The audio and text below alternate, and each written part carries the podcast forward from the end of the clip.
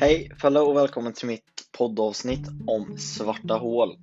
Där jag kommer ta upp en massa intressant fakta om svarta hål. Eh, men även fem snabba i slutet om Stephen Hawking. Så se till att ta dig igenom hela avsnittet. Nu, nu börjar vi. Eh, så ja, jag tycker vi sätter igång. Ett svart hål. Hur bildas de? Ett svart hål är enligt den allmänna relativitetsteorin en koncentration, eh, en koncentration av massa med ett så starkt gravitationsfält att ingenting, inte ens ljus, kan övervinna kroppens gravitation. Det kan enklast beskrivas som, en död stjärna, som döda stjärnor. Astronomer upptäckte svart hål för första gången 1971. Detta skedde med hjälp av röntgensatelliten Uhuru. Den uppmätte stark varierande strålning från röntgenkällan Cygnus X1.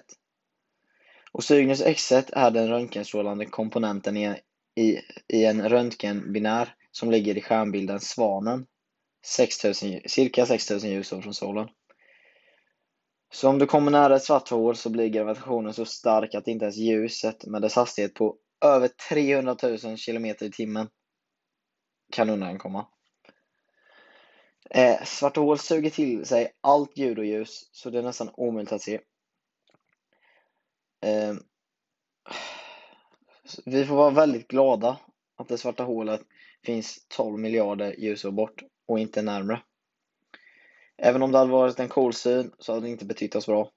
Röntgenstrålningen från kvasaren är så kraftfull att allt liv i galaxen kan dö ut. Men vad händer om man nu då mot all förmodan hamnar i ett svart hål? Jo, om du lyckas hamna i ett svart hål så är du helt körd. Det är bara att säga hejdå. För det finns ingen väg ut överhuvudtaget. Du kommer att slitas i flera delar. Detta är beroende av dragningskraften i hålet. När du, är, när du är på jorden till exempel så är gravitationen lite starkare mot dina fötter än ditt huvud eftersom de är närmare jordens mittpunkt. Men denna skillnaden är så minimal på grund av att jorden är så stor. Så om du nu hamnar i svart hål så spelar din längd en väldigt stor roll. För där är det ett sånt litet utrymme så skillnaden på dragningskraften mot dina fötter och huvud är så enorm att du slits i två delar till en början. Först så delas det runt midjeområdet och då överlever man en stund tills man då förblödigt. Men i ett svart hål går det rätt så mycket snabbare så man hinner inte förblöda. Ett föremål faller inte pladask i ett svart hål utan det roterar in i det. Ju närmare hålet föremålet kommer, desto snabbare roterar det. Det uppkommer då det uppkommer då olika hastigheter och mellan dessa olika hastigheter bildas friktion. Denna friktion stoppar föremål till en viss grad och det här är det enda sätt som ett svart hål kan stoppa ett föremål. Friktionen ökar mer och mer ju närmare föremålet kommer, därför blir det enormt hett. Just denna hetta gör att ju närmare föremålet det, det, just denna hetta gör att när föremålet sugs in i det svarta hålet utsänds en intensiv röntgen och ultraviolett strålning. Så teorin det gäller säger att det som kommer upp kommer alltid ner igen stämmer helt enkelt inte. Med tillräckligt mycket fart kan man försvinna och om du hamnar i ett svart hål så försvinner du. Försvinner du, för så försvinner du för gott plus att ingen kommer förmodligen någonsin få veta hur du dog. Och inte bara det, du, du slits inte bara i två delar utan du slits i flera miljontals delar tills du blir små atomer. Det är en sån enorm kraft. Det svarta hålets begränsningsyta är proportionell mot dess massa. Det innebär att mycket få partiklar kan komma undan från ett stort svart hål. Men mindre svarta hål släpper ut partiklar snabbare. När det svarta hålet sänder ut partiklarna minskar dess massa och storlek hela tiden. Det gör det lättare för fler partiklar att ta sig ut. Detta, utsända, detta utsändande av partiklar kommer därför att fortsätta tills det svarta hålet slutligen strålar bort.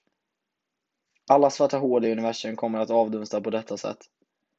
Det slutliga stadiet av det svarta hålets avdunstning skulle gå, fort, skulle gå så fort att det skulle sluta i en enorm explosion. Men för ett stort svart hål skulle det ta miljarder år att försvinna på detta vis.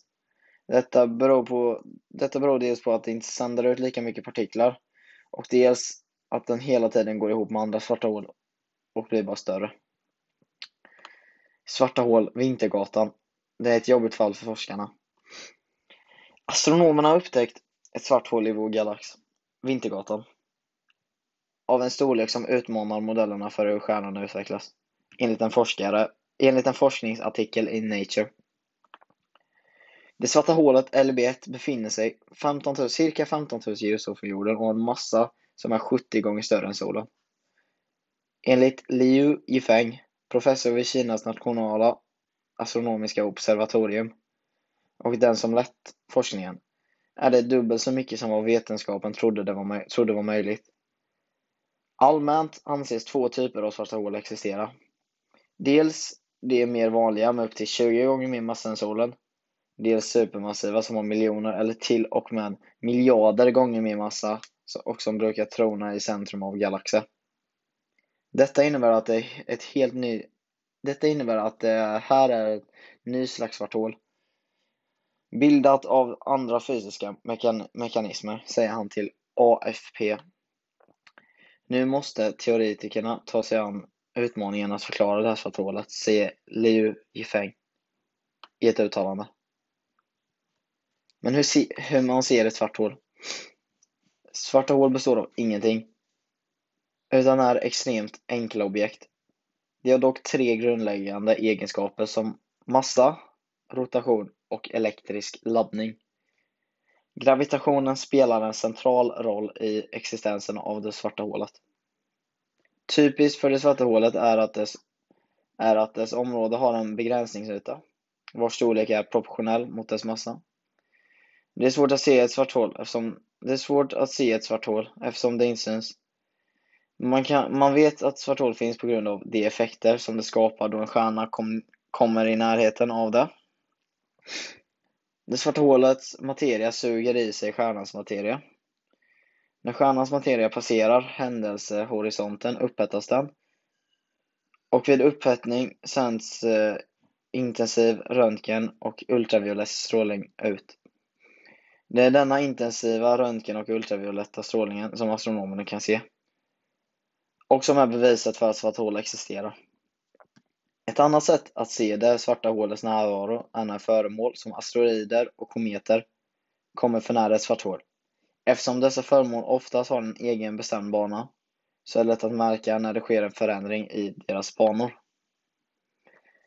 När dessa föremål kommer i närheten av ett svart hål började gå en bana runt det svarta hålet istället.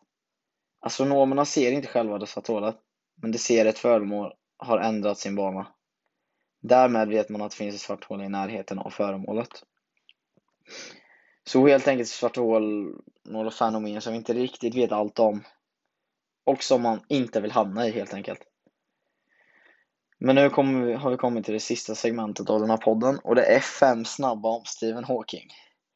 1. Han hade dåliga betyg i skolan. 2. Hans familj ville att han skulle bli läkare. 3. Överlevde tack vare sin första kärlek.